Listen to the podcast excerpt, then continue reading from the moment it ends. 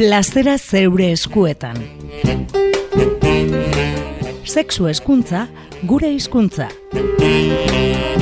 Sarlingo, Euskal Herriko sexu eziketa eskolaren eskutik.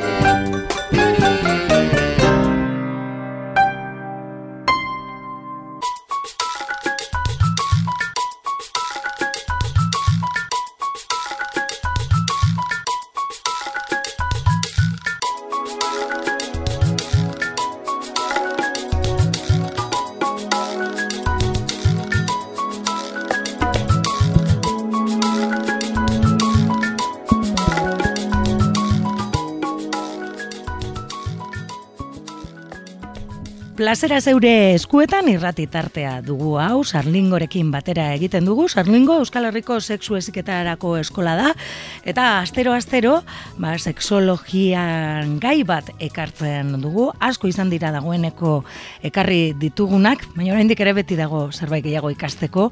E, norbaitek nahi izan ezkero bilboiria.eusen ditu saio guztiak entzun gai, plazera zeure eskuetan tartean. Eta gaurkoan, ba, oikoa den bezala, Mikel Oribe eta Amaia Aurrejola batu zaizkigu, haupa. Haupa. Eta genero desigualdadea osasunean. Osasun mundura salto egingo dugu eta hor ere generoaren e, inguruko e, ba, trata ere ezberdinak e, ikusten ditugu, hoiek astartuko ditugu, hobeto ulertzeko, ez? E, beti ere esaten dugu, ez? Amaia izaki sexudunak garela, ez? Eta ezberdinak garela, beraz, ere tratatzeko erak osasunean ere ezberdinak izan beharko litzateke, e, lirateke, ez? Bai, baina badirudi oraindik medikuntza oksidentalak ez duela hau ulertu edo behintzat ez du harrapatu eta ez du praktikara eramaten. Baina argita garbi osasuna ere desberdina daukagu emakumeok eta gizonok.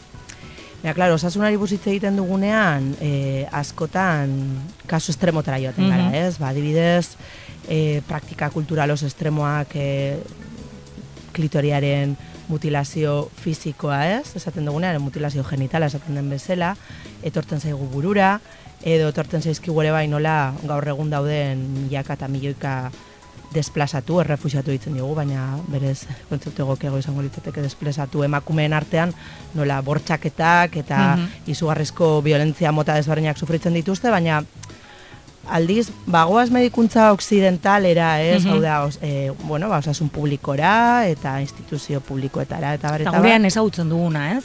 Hori, hor ikusten dugu ere bai, ba, e, praktika oso androzentrista egiten dela oraindik, ez? Eta hori kontutan oki behar dugula. Mm -hmm. Hiru ardatzetan, ez, e, kokatu dezakegu e, hau, ez? E, bai, Egia da, a ber, eske hor dago... asko badaude ere, ba, bueno. Bai, daude hiru akats nagusi, mm -hmm. aurrera ematen direla medikuntza oksidentalean, e, baina horren aurretik aipatzea ez beti izaten dela ez, e, nola bait e, emakumeok urte gehiago bizi izaten garela, baina mm bizi garelako urte gehiago ez du esan nahi osasun hobeagoa dugunik. Ze emakumeok e, askoz ere diskriminazio, indarkeria, eta pobrezia e, gehiago sufritzen dugu mm gizonekin konparatuta munduko herrialde guztietan, ez? Eta baita gurean ere bai. Eta hiru akatzen nagusiek dira alde batetik ba ulertzea dena bezala, ez? E, hau da, osasuna kontzeptu holistiko bezala e, ikuspegi androzentristatik, hau da, e, gizonen e, gizon txuri e, erdi mailako klase sozialeko e, gizon horren osasuna hartzen da erreferenti, erreferente eta neurri bezala, hori da katz bat, mm ez? E, eta astu egiten zaigu ba, munduko biztaleri ardia emakumea garela. Eta klase sozial desberdinetako emakumeak, eta etnia desberdinetako emakumeak, eta bar, eta bar, ez? Gero beste akats bat oso edatua dagoena da, ba, e, estandar bikoitzak. Hau da, e, nolabait gertatzen zeguna matxismoaren ideologia hegemonikoaren dorioz, ba, moral bikoitza praktikatzea, ba, osasunaren munduan, ez? Hau da, ba, gizon eta emakumeek daukate iguale, demanda berdinak, ez? Ba, gaixotan izunari dagokionez, edo bere gaixotasunaren sintomatologiari dagokionez, edo, bueno, ba, egonezin e, horri dagokionez, de, demanda berdinaren aurrean, ba, osasun sistema publikoan lan egiten duten profesionalen erantzuna desiguala izatea, mm ez? E, hor daukagu, bueno, ba, demanda bat oso oso generalizatua eta gehiagirle aktibizatzen dela, eta ez dela kontuten aukiten da, minaren demanda, ez? E, minaren demanda gainera da oso feminizatua dagoen zozer, eta ba ez da kasu gehiagirik mm. egiten, orain gaur egun. Eta gero, azkenengo akats nagusi izango litzateke, ba, antigeneroa esaten duguna, Mhm. ez? Bai. Hau da, zeukita kontutan, ba, emakumeak eta gizonak izaki sexudona garenez, ba, desberdina garela. Hau da, e, desberdin, gaixotzen garela, tratamendu diferenteak behar ditugula, eta ere modu desberdinan sendatzen garela. Eta hori kontutan euki arte, ba, akats hauek repikatzen joango gara, ez? Bitu adibide bat eh, hori minaren aipatu duzun min horretan. E, badirudi e, mendebaldeko gizartea behintzat guk ezagutzen duguna, ohituta dagoela emakumeen e, min askotara, ez? Adibidez, hilerokoaren Mhm. min horretara. Zer gertatuko litzateke gizonok izango bagenu ia betero Horrelako min bat. horrelako min bat. Ba, ziurenik, e, baja izateko eskubidea izango genuke, hainbat bi hiru lau egun libre, e, medikazio bereziak, atendiduak izango ginateke, joaten bagara e, e, medikuntza zerbitzu batera, eta bar, eta bar. Baina ez litzateke patologizatuko. Hori da, hori da. Baina nesken kasuan, e, asko ke- kesatzen badira, bueno, ba, bueno, venga, jatorra naiz etxan geratu, eta listo. Baina, ber, mesedez, hori e, zure baitan dagoen ezaugarri nortasuna da, ez? E, ja, hori da moral bikoitza, azken finean. E, emakumeek e, pairatzen dute min gehiago eta aguantatzeko badirudi ez dakit gaitasun gehiago dutela. Indartsuagoak garela. Hori da, ez? Eta Hori ematen du. Ezinbestekoa da garatzea aurre aurre egiteko ba, mekanismoak, baina horrek ez du nahi e, e, min hori ez dugunik Sentitzen, bizitzen eta sentitzen eta sufritzen. Eta guk ez dugu baloratzen. Aldiz, e, erortzen bagara gu, gizonak eta min hartzen badugu ez daki non, ai, ai, ai, ai, kejatzen ba, kejat, kejatu egiten gara oso ondo. Baina, emakumeak badirudi gauza batzutan ezin direla kejatu, ez? Ba, Eta bueno. esaten dugunean i- izaki sexudunak garela eta ezberdinak garela baita ere sintomen aurre e, gaixotasun batzuen aurrean ere e, ba, sintoma ezberdinak e, pairatzen ditu emakume batek edo gizon batek eta hori oso adibide argia da eta azken e, bueno, urteetan gehiagotan azaldu zaigu ere dabideetan, ez? E, bihotzekoa, ez? Mhm. e, bihotzekoa, e, bueno, txikitatik entzun dugu, ez? E, e, besoan mina sentitzen dela, eta, ez da- eta hau da beste, ez? Sintoma batzuk, baina hori gizonezkoetan bakarrik gertatzen da, ez? Claro, hor daukagu kasu paradigmatiko bat, Mhm. baina da bat. Ah, bai. Eta hori gertatzen da, hau da, gaixotasun mota guztiekin. Mm. Baina oraindik ez gara konturatu e, egiten dugula azkenean interpretazio androzentrikoa. Mhm. Eta Baina, zelan iritsi gara hontaz konturatzera, ba, ikusi dugulako bihotzekoa dela patologia bat, gizon pilo bat hiltzen dituela, Mhm. baina e, nolabait, nola emakumeengan ematen diren sintoma kontutan eduki ez direnez, hau da, paradogikoki, ba, emakume gehiago hil dira bihotzekoaz gizona baino.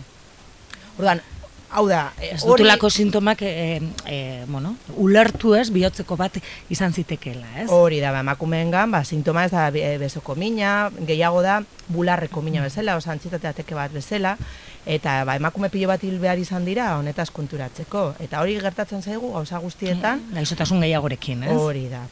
Mhm. Eta argi daukagu ere bai, ba, antizorgailuen munduarekin. Mhm. Bueno, ezke horre izugarri, horrekin izugarri berotzen gara, eta Bai, eta zerretzen gara.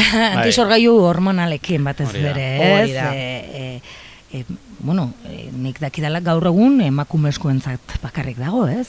Claro, orain arte, ba, bueno, beti izugarri barnatuta daukagu, ba, ardunaldiaren ardura emakumena dela, eta hori daukagu sartuta ba, barrura arte.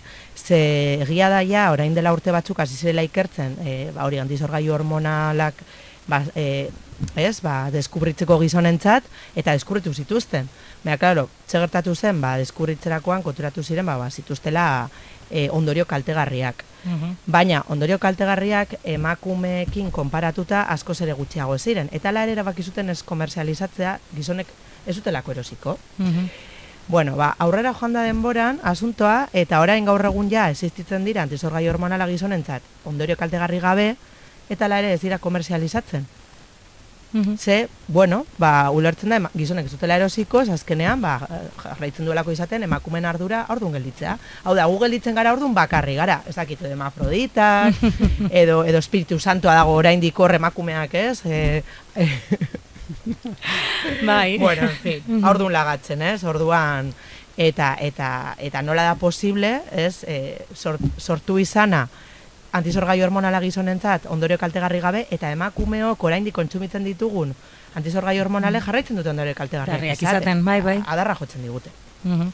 Bueno, medikamentuekin ere bada, bueno, agian eh, ez dakit tarte honetan, baina egin beharko genuke igual ikerketa handi bat, baina medikamentuetan ere eh, agertzen dira, ez? Eh, bueno, ba genero desberdintasun hori, ez? Eh, nabarmen, ez? Ikerketak batez ere estatu batuetan Bai. egiten direlako eta gizonekin egiten direlako. Eta gero medikamentu horiek gizone zein emakumek hartzen ditugun, ez? Hori da, batez ere, a ber, bi arrazoi gertatzen dira hemen, e, medikuntza munduan ikerketa gehienak esan bezala estatu batuetan egiten dira, ez? Eta gizonekin egiten dituzte, zergaitik gizonekin, bueno, teknikoki, askoz ere aldagai edo variable gutxiago e, baitan hartu behar dutelako. Mhm. Bai, emakumeen e, gorputz askoz ere konplejoagoa da, batez ere e, hormonak e, hilerokoa gaitik e, aldak oso aldakorrak Aldakorrak. direlako. Eta, karo, esperimentu zientifiko baten behar duzuna da, variablak edo aldagaiak e, aldakorrak ez izatea, ez? Bai, dena kontrolpean. Hori bai, aldagai guztia kontutan izateko, ez? Alde batetik, emakumeek aldagai gehiago asko zer gehiago dituzte, eta gainera hauek mugitzen dira. Mhm. Beraz, eh, askoz ere zailagoa da, askoz ere garestiagoa da ikerketa bat egitea emakumeekin, ez? Hori alde batetik, eta bestetik, esperimentu hori txarto ateratzen bada, estatu batuetan egoten diren indemnizazioak izugarri handiak dira, ez? Emakume bati ordaindu beharko lioketena askoz ere potenteago izango litzateke, ez? Eta esan bezala ikerketa ia guztiak estatu batuetan egiten dira. Beraz, gauza bi horiek eh, agertzen dira eta azken finean zer lortzen da, ba ikerketa medikuntzatik emakumeak ez egotea. Bakarrik daude emakumeak, adibidez, antizorgailuei buruzko ikerketak egiteko Mhm. eta beste bi edo hiru gehiago. Honen ondorio argita garbia zein da, ba, medikamentu ia gehien, edo guztien, em, em, kalte, este, em, Ondorio kaltegarriak. kaltegarriak hori da, uneko laro gehian emakumeen gan Mm, ematen da. dira. Euneko laro gehian emakumeen gan ematen da. Ez gau oso grabea da. Eta dosiak eta dana dago e, ikuspuntu, gizonen ikuspuntu batetik egina. Bai, baina aspirina batekin. Bai, igual, e, jaten zaro etzako mediku baten gana, eta sensibilizatuta badago honetan, igual esan aldizu, bueno, zu makume izan da egoera honetan, hartuko duzu pastilla erdia, edo zekizi, bestera batera, baina bestela, denontzata e, pastillak berdinak ez daude Nahi, prospektuan jartzen duna, hor jartzen da, dizu, zenbat hori da. hartu behar den. Eta berdin da guztiak adina, berdina, berdin da etnia, berdin da sexua, e, e, ez dauka, e, bueno, claro, zuk esan bezala lehen, azten bagara, farmazeutiken atzetik zer dagoen, eta nola egiten dute, bueno, bueno, oza, kartzelara goaz. Bai, hori egia esan oso gai potoloa da, eta nik uste dute, e, bueno, ba, bai, e, medikuntzarekin zer ikusia baduen ere, negozioa ere badenez, ba, bueno, Bai, baina, bueno, gero dena bezala, ez? E, hor, gauzak, e, badirudi, gauzak ondo egitea dela esfortzu handiago bat suposatzen duela, ez? A ber, eske emakumea kontutan eukitea da e, zure, lana, zure lana ondo egitea, Mhm. ez? E, la, osea, lana zailagoa izatea, ez da, lana ondo egitea. ah, beragi berdin zaie lana ondo egitea, eh? Ja. Mm. Beitu, adibidez, adibidez. Em, mutiekin nahiko ondo funtzionatzen du Viagrak eta Viagra, Viagra antzeko beste medikamentu batzuk. Viagra da e, em, e, balio duena zure zakia zutitzeko era errezago batean, ez? Medikamentu bat. Eta, karo, gizonoi gertatzen zaigu fenomeno bat desira erotikoarekin. E, normalean zakia atent ikusten baldin badugu, gure desira erotikoa piztu egiten da. Mhm.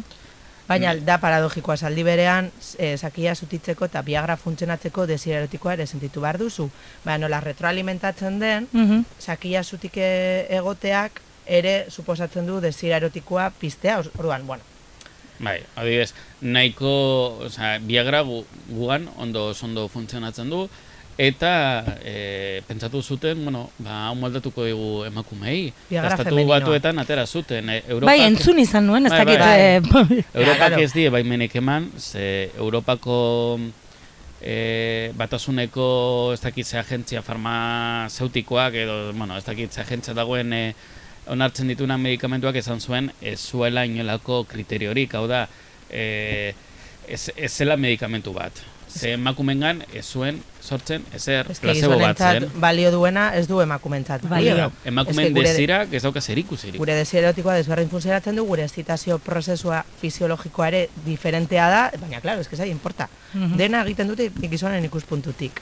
Eta inkluso ere bai, osasuna ribuz hitz egiten dugunean, ez, edo emakumen osasuna ribuz hitz egiten dugunean, orain asmatu dute hitz bat. Hau da, osasunari buruz hitz egiten dena da gizonen osasuna. Eta emakumen osasunari buruz hitz egiten dena, dena osasun sexuala. Hori da. Eskubedekin berdin, ez?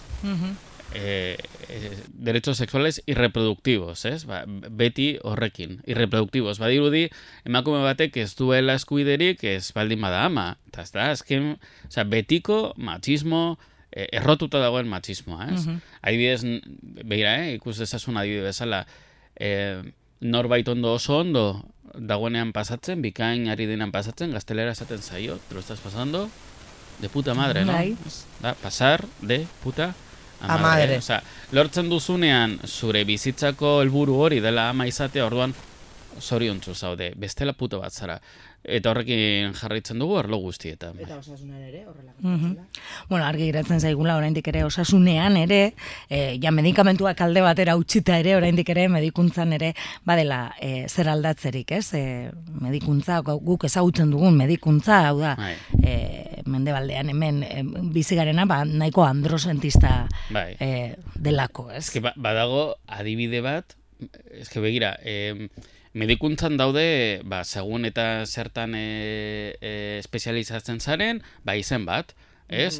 Ba, neurologoa e, buruko ez dakit zer, ba, e, kardiologoa bihotzekoa. Bai, dermatologoa, dago- estomatologoa, bai, bai, Bai, dena. espezialistak. Baina, baina dago bat, dena, ginekologoa. Tócate los pies. Ginekologia. Emakumeengan espezializatu dena. Ara, beste guztiak ez dira emakumeentzako. Claro. Ez dauka zentzurik. Andrologoak ere badaude. Norbaitek ezagutzen du andrologoren bat? Joan da noiz bai kontsulta batera andrologo, andrologoaren gana? Urologoa. Ez, urologoa, baina Urologoa. da txiza egiteko sistemare horrena, baina ginekologoa da ama izate horren medikua, hau da, emakume izatearen helburua eta e, jarri diogu izen bat ginekologia. Osea, de, mesprezu izugarri handia da, eh? Mhm. Bai, hor ikusten da epistemologia propioan ez nola pentsatzen dugun, eta nola jarraitzen dugun pentsatzen, eta osasunen arloak ere bai, ba, hau birpentsatu behar du, eta horrekin koherente izan da, ba, praktikara eraman, ez? Bai, eta aldaketa eh, egin, ez? Hori da, beraz, e, osasun arloan ere sexu eskuntza beharrezkoa da. Bueno, ba, horrekin geratuko gara. Amaia eta Mikel, eh, eskerrik asko. Zuri. Zurian, eh? Bai, agur. Plazera zeure eskuetan. Sexu eskuntza, gure hizkuntza. Sarlingo, Euskal Herriko sexu eziketa eskolaren eskutik.